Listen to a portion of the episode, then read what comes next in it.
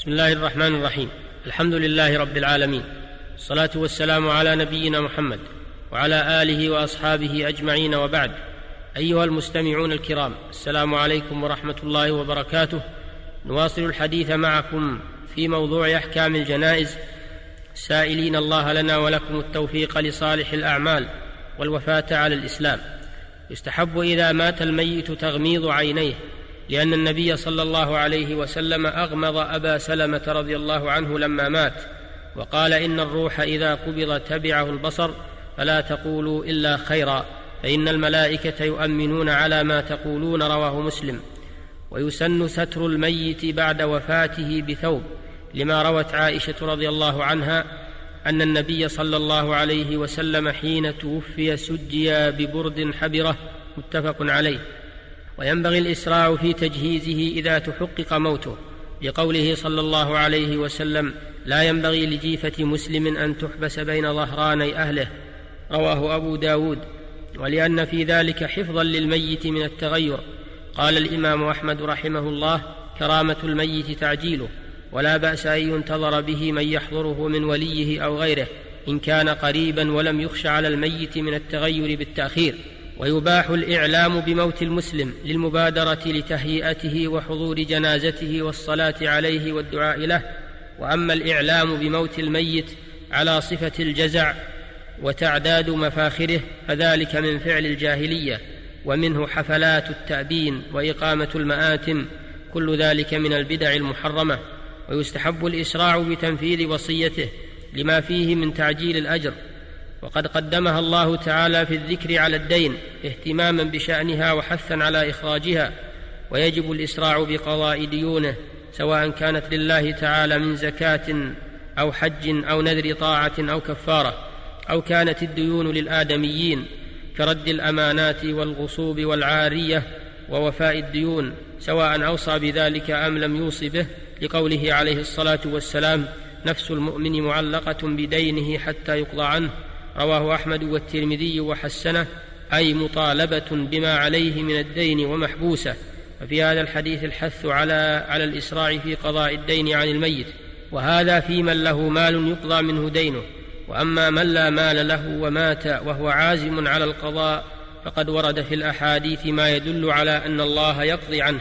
ومن أحكام الجنازة وجوب تغسيل الميت على من علم بحاله وأمكنه تغسيله.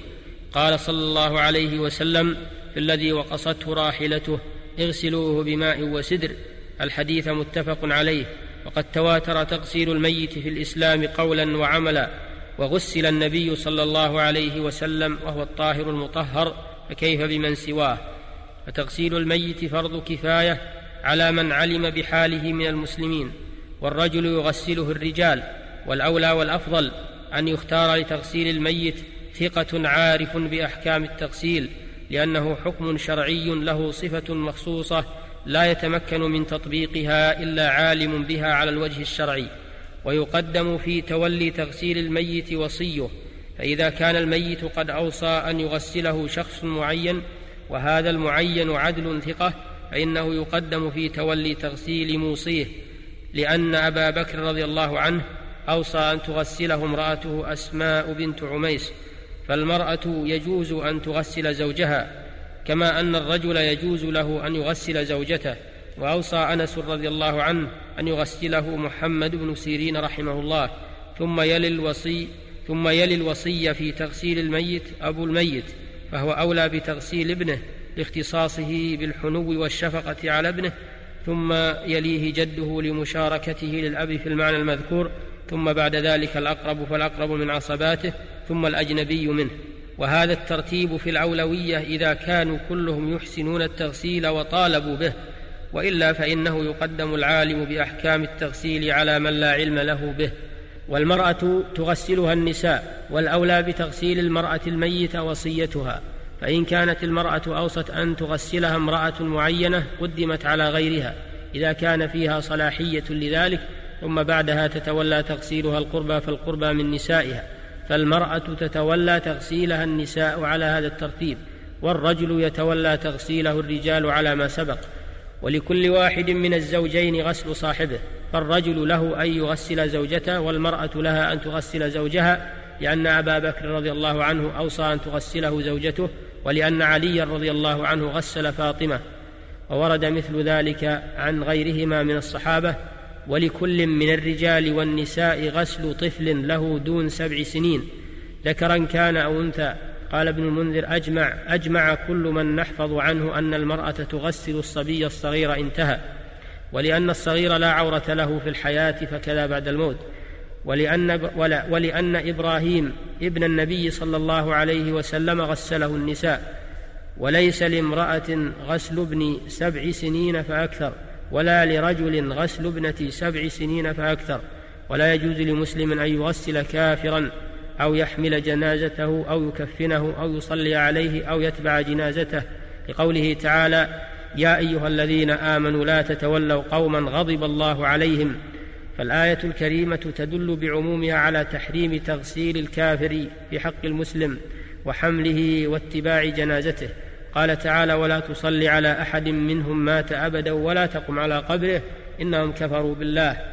الآية وقال تعالى ما كان للنبي ما كان للنبي والذين آمنوا أن يستغفروا للمشركين.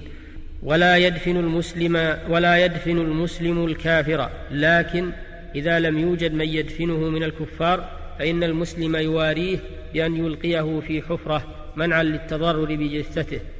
لإلقاء لأن النبي صلى الله عليه وسلم ألقى قتلى بدر في القليب وكذا حكم المرتد كتارك الصلاة عمدا كتارك الصلاة عمدا وصاحب البدعة المكفرة. وهكذا أيها المستمعون الكرام يجب أن يكون موقف المسلم من الكافر حيا وميتا. موقف التبري والبغضاء. قال تعالى حكاية عن خليله إبراهيم والذين معه إذ قالوا لقومهم إنا براء منكم. ومما تعبدون من دون الله كفرنا بكم وبدا بيننا وبينكم العداوة والبغضاء أبدا حتى تؤمنوا بالله وحده. قال تعالى لا تجد قوما يؤمنون بالله واليوم الآخر يوادون من حاد الله ورسوله ولو كانوا آباءهم أو أبناءهم أو إخوانهم أو عشيرتهم. وذلك لما بين الكفر والإيمان من التضاد والمعاداة ولأن الكافر عدو لله ولرسوله ولدينه. فلا تجوز موالاته حيا ولا ميتا. نسأل الله أن يثبت قلوبنا على الحق وأن يهدينا صراطه المستقيم. وصلى الله على نبينا محمد وعلى آله وأصحابه وسلم تسليما كثيرا. والحمد لله رب العالمين.